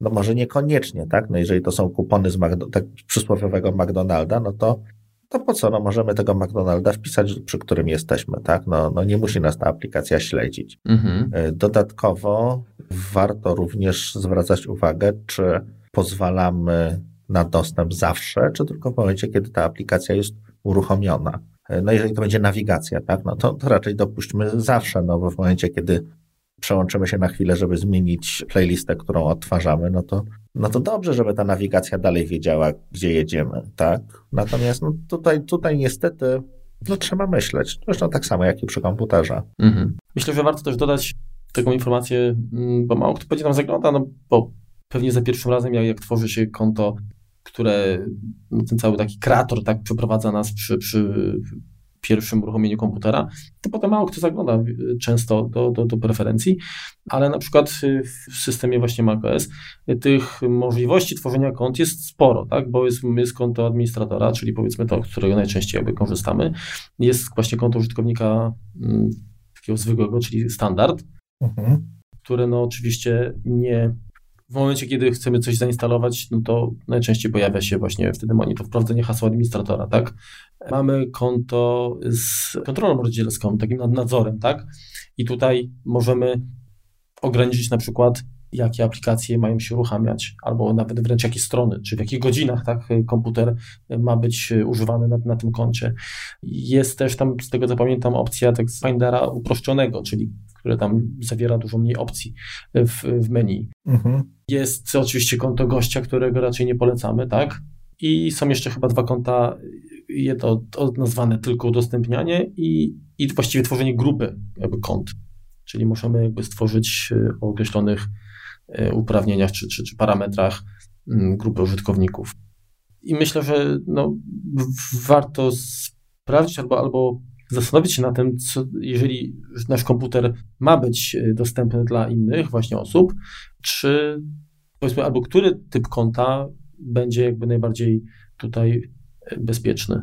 No bo tak, bo raczej jeżeli, jeśli udostępniamy komputer innej osobie, tak, czy to będzie, nie wiem, dziecko, żona, czy ktokolwiek, no to raczej higiena by sugerowała, żeby to było inne konto. Chodzi o jakąś prywatność, tylko po prostu o to, żeby, o wygodę, tak, żeby, żeby mieć dostęp do swojej poczty, do, do swoich ustawień przeglądarki, czy swojej tapety, swojej, swoich aplikacji. No tak jest po prostu wygodniej. Mhm. A powiedz mi, bo wspomniałeś, że korzystasz z trybu takiego incognito w Chromie, tak? Tak. W Safari też używasz to tak zwane okno prywatne? Nie, nie, nie, nie używam. No chyba, że wiesz co, no, muszę się na kogoś innego zalogować, na jakiegoś użytkownika sprawdzić, sprawdzić nie wiem, jego hasło do, do Google Docsów, czy, czy jakiegoś tego typu, czy, czy, czy do Microsoft mhm. Office 365, żeby podejrzeć tak, jakieś, jakieś tam ustawienia, no to wtedy, wtedy to uruchamiam, po prostu nie, nie mieszał tego z, z moimi ustawieniami, żeby tego po prostu nie, nie wrzucał mi ciasteczek tej, tej osoby. A powiedz mi, e, jeżeli chodzi o pocztę, mhm czy w jakiś sposób korzystasz z jakichś dodatkowych zabezpieczeń i sita takiego e, przeciwko, nie wiem, spamowi, czy tylko wbudowane rozwiązanie? Wbudowane, no większość, większość serwerów, które korzystam, ma jakieś tam swoje, no bo to są tam jakieś korporacyjne rozwiązania, więc jakoś tam ten spam mi odsiewają. Korzystam z kilku serwerów Google'owych. One są całkiem dobre, jeśli chodzi o filtrowanie spamu.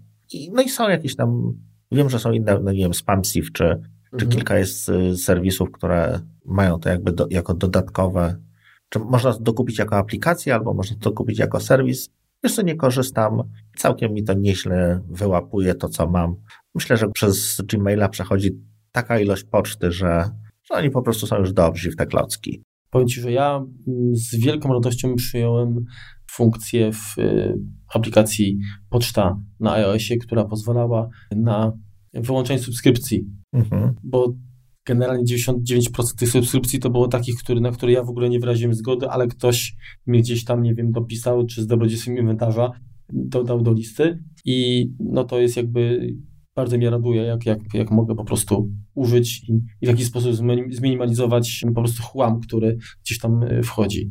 Natomiast w większości przypadków korzystam z IMAPa, czyli, czyli też jak bazuje na tym, co się dzieje powiedzmy na, na serwerach, plus to, co no, nauczy się jakby ten junk film mhm. właśnie w, w, programie pocztowym. Czy wiesz co, nawet taką mam jakby zasadę, którą na, na jakichś tam spotkaniach czy, czy, czy szkoleniach IT staram się wdrażać, to jeżeli któryś z pracowników no, ma wątpliwość, no bo czasem ten, ten mail wygląda całkiem nieźle, tak? Znaczy w sensie, no, może nie do końca dobrze, no ale może jednak to coś jest prawdziwego, tak? To mam taką, taką zasadę, żeby po prostu przesyłali je do mnie i w momencie, kiedy ja powtór, potwierdzę, że, że rzeczywiście można w to, można to wejść, to, to, to po prostu to wchodzą. Natomiast z tego, z tego, co tak przeglądałem, no to 80% tych maili w ogóle do mnie nie dociera, bo są gdzieś tam po drodze przez te filtry właśnie antyspamowe czy antywirusowe cięte. No i w momencie mamy taką umowę, jeżeli ja nie, jeżeli ja nie potwierdzę, że można, to znaczy, że nie można. Więc w ten sposób sobie jak gdyby radzimy z tą pocztą nie, niechcianą. Mhm. O właśnie, a tak mi się przypomniało, y, kiedyś rozmawialiśmy już na ten temat i pewnie pamiętasz, korzystam z takiego rozwiązania, które się nazywa Pulseway. Mhm. I to jest o tyle fajne, że jeżeli coś się dzieje z komputerem nie tylko pod względem powiedzmy tego, że nie wiem, obciążenie wzrośnie, czy nie wiem, wentylatory tam się rozkręcą, tylko nie wiem, dojdzie jakaś kwestia, że ktoś się nim zalogował, podłączył jakiś, nie wiem, zewnętrzny nośnik, pendrive'a, zainstalował aplikację, to automatycznie powiadomienie o tym, że coś się na monitorowanym przeze mnie komputerze mhm. dzieje, dostanę, dostaję po prostu na, w, no w aplikacji na przykład na, na iOSie i no to jest, to jest super, tak? Bo w tym momencie, nawet jeżeli to jest wiem, jakiś komputer domowy, taki domownicy coś tam działają, no to ja mam podgląd, tak? Że okej, okay, dobra, tutaj powiedzmy jakaś, nie wiem, nowa gra została zainstalowana i wiem co. Także jestem po prostu no spokojny, tak, że, że mam jakieś, jakieś, jakąś kontrolę nad tym. No to jest wygodne. Wiesz co, ja akurat czegoś takiego nie używam. Mam natomiast e, na firewallu, na routerze Ubiquiti włączone coś, co się nazywa Deep Packet Inspection. Mhm. No i to też nie jest tak, że ja cały czas tam spędzam, czy, czy w ogóle patrzę, co tam się dzieje. Natomiast co jakiś czas sprawdzam, co się dzieje w mojej sieci, tak? No ostatnio testuję urządzenia typu Internet of Things No i powiem szczerze, no nie wyobrażam sobie tego, żebym, no stawiam jakieś pudełko, nie wiem, Amazonu, czy, czy Logitecha, czy, czy generalnie jakiejkolwiek innej firmy, czy, czy Ikei, podpinam je do sieci, no i, i ufam mu, że co ona wysyła, co nie wysyła, no lubię jak gdyby, nawet tutaj nie chodzi o to, żeby wiesz, każdy pakiet analizować, tak? Mhm. Natomiast po samej ilości danych, tak? No jeżeli szczególnie mamy urządzenie, które ma jakiś mikrofon, niech to będzie to echo, y, no to fajnie wiedzieć, ile, ile, ono, ile i co ono wysyła. No, miałem przez chwilę na Raspberry Pi taki googlowski y, odpowiednik tego Amazon Echo, tam był jakiś mikrofon, jakiś głośnik, jakiś taki, taki guziczek, no kartonowe, wszystko jak to u Google, IO to chyba się nazywało. Postało to u mnie chyba tydzień, ale to takie ilości danych przesyłało, że po prostu dziękuję. No, nie chcę być śledzony, tak? Nie mam nic przeciwko, żeby jakieś to urządzenie musi się skontaktować z siecią, no bo jasne, no, ma za mało mocy, żeby, żeby przetwarzać nawet dźwięk, który do niego dochodzi. Natomiast powinno rozpoznać to słowo kluczowe i, i dopiero wtedy coś wysyłać, tak? Natomiast jeżeli ono śle dzień i noc, no to, to nie ma sensu. No, dlatego na coś takiego się zdecydowałem. No i przy okazji mam możliwość sprawdzenia, tak, co, co się dzieje w sieci, w sensie, z, może nie, nie chodzi mi o to, z jakich stron kto korzysta, natomiast ogólnie mieć jakieś tam rozeznanie. Mhm. Jeśli, jeśli chodzi, bo wspominaliśmy o, o One Passwordzie, natomiast poświęćmy mu kiedyś troszeczkę więcej czasu. Myślę, że program jest od, od, na tyle fajny, że, że wymaga troszkę więcej uwagi. No. Okay wiemy, używamy, przewijał się i tutaj, i, i w kilku innych odcinkach, natomiast niech się doczeka kiedyś swojego pełnego odcinka. Nie ma problemu. Co ty na to? Jestem, ja jestem na tak. Dobra. Y, to zadam ci inne pytanie. Masz zaklejoną kamerkę na przykład w MacBooku? Nie mam. No bo... Y. I uważam to za paranoję. Powiem ci, że, że mnie to też bardzo wzbudza to moją wesołość, jak widzę y, pozaklejane kamerki. No, no bo ja nie wiem, no chyba, że ktoś tam wiem, spędza y, wieczory przed, przed ekranem i, i, i, sobie tam w tym regaja gra, no to może, może nie chciałbym, żeby ktoś go podejrzał, ale wydaje mi się, że, że chyba to jest też właśnie przesada. Natomiast są rozwiązania, które pozwalają zabezpieczyć właściwie dzięki tej kamerce też komputer, tak? Mhm. Czyli w momencie, gdy komputer nie jest przenośny, tak? Czyli MacBook zmieni mhm. lokalizację, czy w ogóle jest nie wiem, podniesiony, czy, czy nie wiem, klapa do góry, to są rozwiązania, które pozwalają zrobić zdjęcie i wysłać facjatę osoby, która to robiła na, na jakiś adres. Tak? No jeżeli to jesteśmy my, no to, to, to, się, to oczywiście jest to powiedzmy informacja nadmiarowa. Natomiast jeżeli akurat komputer trafi w, w ręce, no to mamy, przynajmniej wiemy, tak, kto, kto za tym stoi. No tak, ale wiesz co, no tutaj, jeśli chodzi o tą kamerę, no to właśnie przez tego typu aplikacje ludzie troszeczkę generalnie zaczęli zaklejać te kamery, no bo Wiesz co, to chyba 3 czy 4 lata temu, może, może nawet więcej, była jakaś taka afera w Stanach, gdzie właśnie komputery, które dostawała dziatwa ze szkół, miały zainstalowany jakiś taki system, który właśnie miał możliwość podglądania tego, co, co robią dzieciaki. No i tam wyszło troszeczkę nieprzyjemnych rzeczy w sensie dostępu, tak? Okazało się, że osoby zarządzające tym, powiedzmy, no, no nie miały najczystszego sumienia, tak to, tak to ujmijmy. Mhm. Jest no to ten key, key też z tą kamerką, no to ma dwa końce, tak? No jeżeli to jest jakby mój komputer, no to nie, nie wpuszczam niczego, co by, co by mogło mnie tam podglądać. No, ja za nudny jestem, żeby mnie chciano podglądać, no tak? No jeżeli, że, jeśli byłbym, nie wiem, jakąś, jakimś aktorem y, wziętym, no to może bym się zastanawiał na tym, no bo to jest inna, inny wektor ataku, tak? No, czy aktorką, no to już w ogóle. Natomiast Natomiast wiesz, no, podglądanie mnie, no to, to no, chyba trudno coś nudniejszego. W każdym razie y, ja kiedyś y, właściwie nie powiem, że korzystałem, ale bawiłem się taką aplikacją iCentry się nazywa, mhm. która właśnie pozwalała na coś takiego, czyli właśnie de detekcję mm, ruchu, tak, czyli jeżeli powiedzmy, nie wiem, usiadłem przed komputer, no to w tym momencie zdjęcie, czy nawet krótki film był rejestrowany można było skonfigurować tak, żeby od razu jakieś powiadomienie szło. Znaczy jest, jest to, jeżeli ktoś ma faktycznie, nie wiem, chce przetestować, posprawdzać, czy, czy generalnie jakby zaspokoić jakieś właśnie paranoidalne tutaj obawy o, o bezpieczeństwo, to na pewno poza właśnie tutaj wspomnianym programem znajdzie podobne. Myślę, że... Wiesz co, no już ciekawsza dla mnie byłaby jakby, czy, czy nawet jako włamywacza, tak? No jakaś kamera gdzieś... Yy powieszona, nie wiem, e, taka stacjonarna, tak? Mhm. niż na w telefonie czy w komputerze. Okej. No jasne, aplikacjom no nie daje dostępu do, do aparatu, no bo po co mają mieć dostęp do aparatu? No mam, mam jak gdyby wybór, więc staram się to ograniczyć, tak? No nie, nie, nie zgadzam się na wszystko. Swoją drogą, pamiętam swego czasu na którejś wersji DEFCON, czyli takiego mm, tam spotkania hakerów, jeden właśnie z prelegentów y, przedstawił swój taki case study, jak mu skradziono komputer. No i oczywiście tam historia jest zabawna, bardzo, bardzo zabawna, ale jakby kluczowym było to, że uratowało go właściwie to, no oczywiście jego wiedza to po pierwsze, ale po drugie to, że miał zainstalowany mm, aplikację do aktualizowania adresu IP, czyli DNS.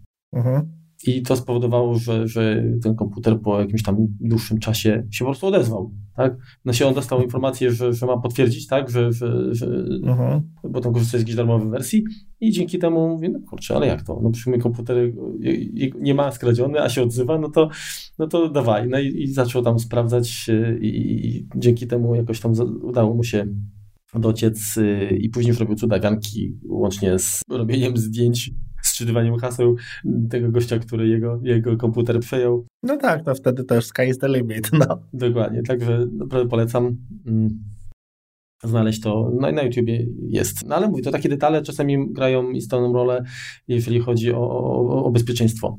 Wspomniałem wcześniej o y, haśle sprzętowym.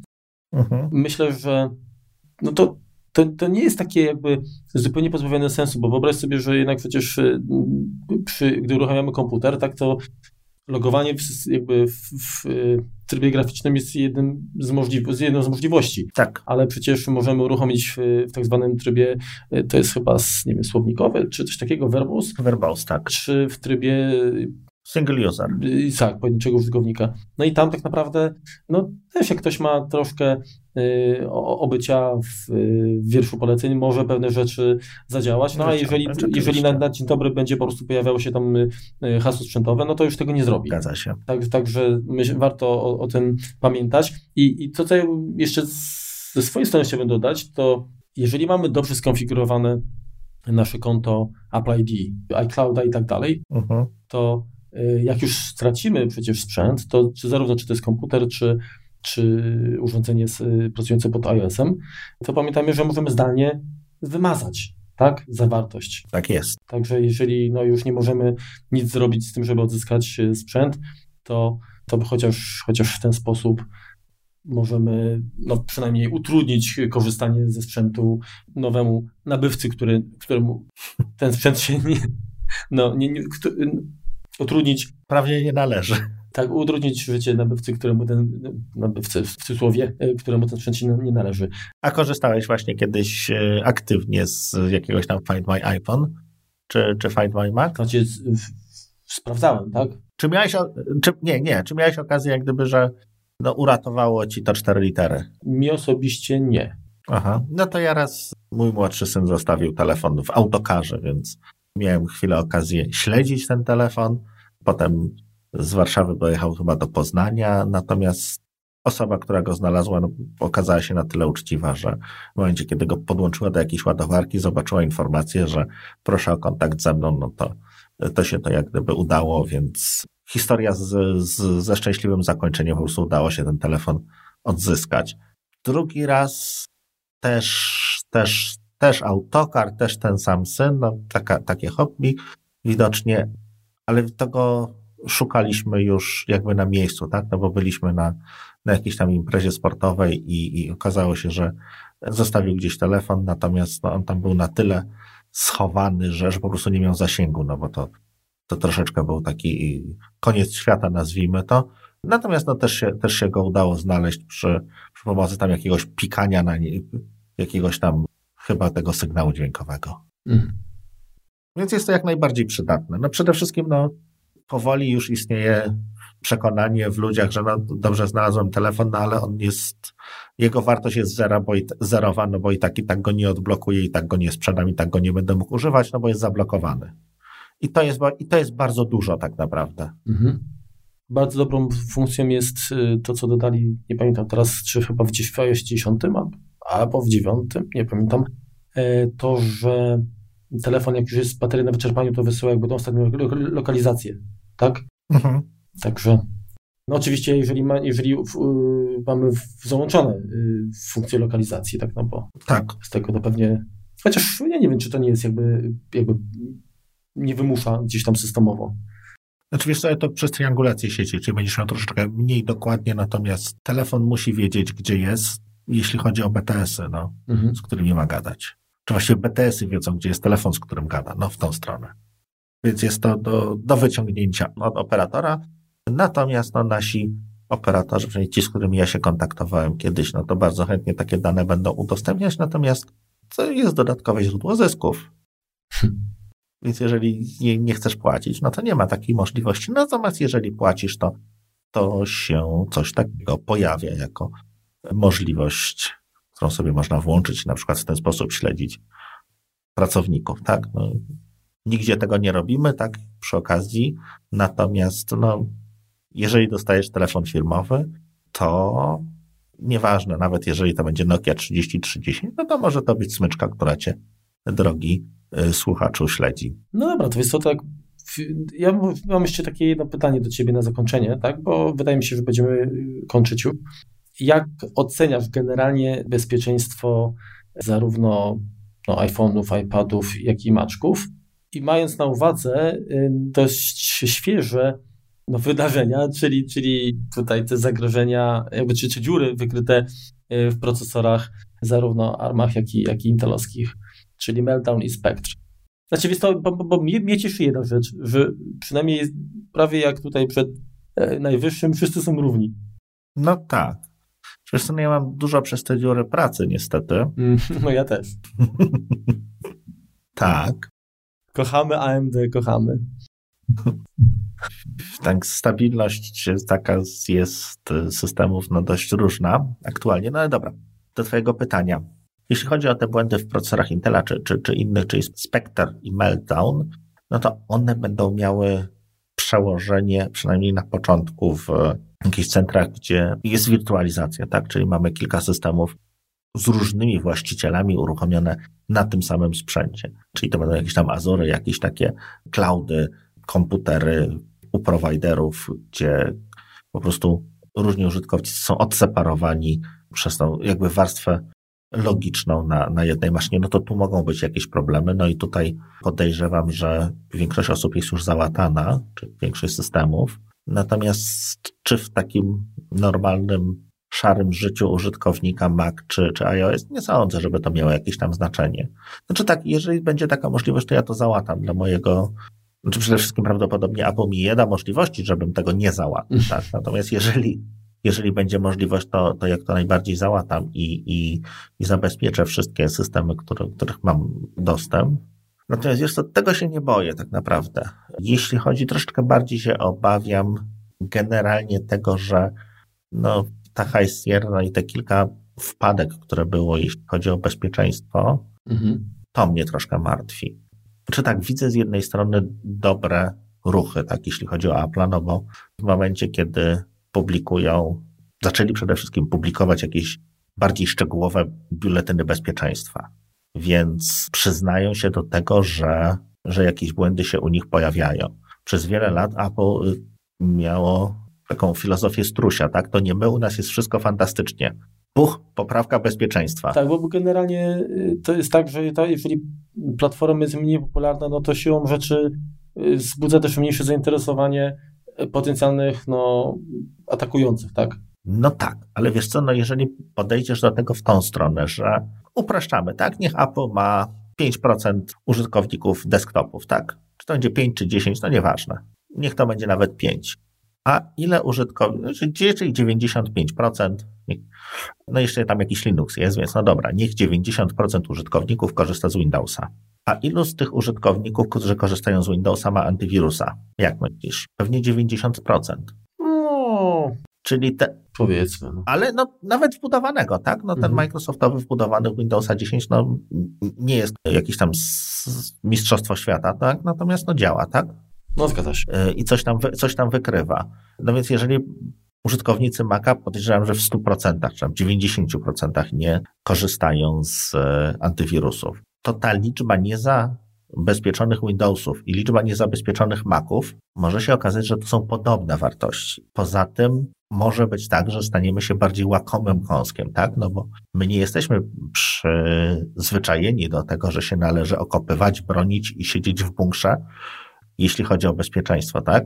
Okej, okay, tylko zobacz. Y, ja zawsze, to już wspomnieliśmy nieraz, y, stawiam, że tym elementem zwiększonego ryzyka jest użytkownik, tak? I jeżeli, mhm. no ja teraz nie chcę mówić, że pecetowcy są bardzo tacy, jakby to powiedzieć, niefrasobliwi, tak? A, a... Ale wiesz co, no ci niefrasobliwi pecetowcy, no to już przez te ostatnie lata, no ci, ci, ci niefrasobliwi to naprawdę to już wyginęli, tak? Albo albo zostali zjedzeni przez, ugryzieni powiedzmy przez te, przez te złośliwe aplikacje. No my w tym momencie obawiam się, że no, mamy podobną niefrasobliwość, bo nie zaznaliśmy jeszcze aż tylu jakby ataku. Czyli generalnie wychodzi z założenia, że, że dopóki nie poniesiemy konsekwencji, to będziemy podchodzić e, taką le z lekkim takim... Frywolnie do tak. tego, tak. No, pewnie masz rację. Pewnie masz rację. Także generalnie my namawiamy do tego, żeby jednak o bezpieczeństwo zadbać, nie przeginać, tak, nie przesadzać z mhm. tym, bo, bo to nadwrażliwość jest gorsza wiadomo czego, ale żeby faktycznie no myśleć, tak, to jakby tutaj tych szarych komórek żaden program, żadna funkcja, żadna opcja nie zastąpi. Zgadza się. I myślę, że tym akcentem możemy skończyć. Okej, okay. także jak już tutaj Rek powiedział, dzisiejszy odcinek jest może nieco chaotyczny, z drugiej strony taki, potraktowaliśmy go właściwie tak, pomimo powagi tematu, potraktowaliśmy go tak w sumie luźno. Mm, nie wiemy, jak, jak, jak to odbierzecie. Y, czekamy na komentarze. Zgadza się. I oczywiście na Wasze doświadczenia w kwestii bezpieczeństwa. Tak, bo, bo nasze, Wasze zdanie jakby nas również interesuje i to bardzo. Dla kogo ze słuchaczy kwestia nawet takiego wyimaginowanego większego bezpieczeństwa platformy z jabłuszkiem było powodem do tego, że się przesiedli z Windowsa na przykład. Bardzo jesteśmy tego ciekawi. No bo wiadomo, na Maca nie ma wirusów. No ale nie, no, tak, tak, ja osobiście jestem bardzo ciekaw, ile osób ten argument, tak, y, mhm. brało pod uwagę właśnie, czyli że no, jest nieco mniejsze, znaczy nieco, no, generalnie jest mniejsze, tak powiedzmy, ryzyko i ten system, nie powiem, że jest no podwaliny ma dobre, no. Tak. Natomiast no, byłbym ignorantem, gdybym faktycznie stwierdził, że wiesz, nie brał pod uwagę tych właśnie wpadek ostatnich, czy chociażby, nie wiem, jakiś ostatnio znaleziony jakiś kodrut, tak, jakiś, jakiś trojan. Pytanie, co się z tym będzie działo. Znaczy, generalnie większość chyba tych luk to są takie, które wymagają naprawdę, naprawdę łebskiego człowieka i dostępu fizycznego do komputera, w związku z czym mhm ja się nimi nie przejmuję. Natomiast no, jeżeli ktoś będę z kimś dyskutował, to na pewno będzie się na to powoływał, że jest, nie mam racji, że Mac jest tak samo dziurawy i, i, i niebezpieczny jak Windows. I pewnie jakbyśmy tak porównali ilościowo te, te dziury, to może będzie podobnie. Natomiast pytanie właśnie, na ile łatwo, czy na której platformie łatwiej wykorzystać je do jakiegoś ataku. No jednak tak, no makowcy jednak, czy użytkownicy Apple'a jednak znacznie częściej tak instalują upgrade, tak? Jeśli chodzi o Windowsa, no to ten system, z którym Microsoft wypuścił tego laptopa czy ten komputer 5 lat temu, no to najczęściej dalej jest zainstalowany u większości użytkowników. No, my jednak no, przechodzimy no, z tej Sierra na High Sierra no, mniej lub bardziej ochoczo, natomiast no tutaj ten ruch jest. Natomiast jeżeli któryś, któryś z Was ma jakieś doświadczenie takie, gdzie takie korporacyjne z zarządzaniem makami i chciałby się z naszymi słuchaczami podzielić i z nami też, to, to, to jak najbardziej zapraszamy, no bo my mamy ograniczoną wiedzę, no bo tych, tych maków jest kilka, natomiast no prawdopodobnie ktoś z Was, drodzy słuchacze, no zarządza znaczącą ilością maków w jakimś środowisku, no i mógłby się czymś ciekawym podzielić z nami i, i ze słuchaczami. Zapraszamy, dziękujemy za, za to, że spędziliście z nami te kilkadziesiąt minut i zapraszamy do kolejnych odcinków Kompatu. Do usłyszenia. Trzymajcie się, na razie, cześć. Pozdrawiamy, czołem. Halo, halo, idzie. No to teraz ja. Ja mam echo? No, trochę tak, mam. Trochę, trochę. To się wytnie. No, widzisz. Wiesz, stąd to zależy, czy... Hmm, od czego zaczynam? Co tam jeszcze takiego? To co tam dalej lecimy? Czekaj, bo coś mi siadło. Co, kurde, Właśnie nie klej nam. No nie klej, kurde, właśnie to mówię, to, to, to jest, jest dużo, ale tak, kurde, żeby to uporządkować troszeczkę. Chyba, że jak, że, że, że, że jak już mówisz o tych zagrożeniach, to właśnie może ten ostatni element, kurczę, nie wiem. To zróbmy, tak, masz rację. Y, y, Jasne. No, no. Generalnie, gener... bez sensu to w ogóle wyciąć. E, Wiesz co, generalnie to... Co, to one generalnie... mm, Generalnie, generalnie.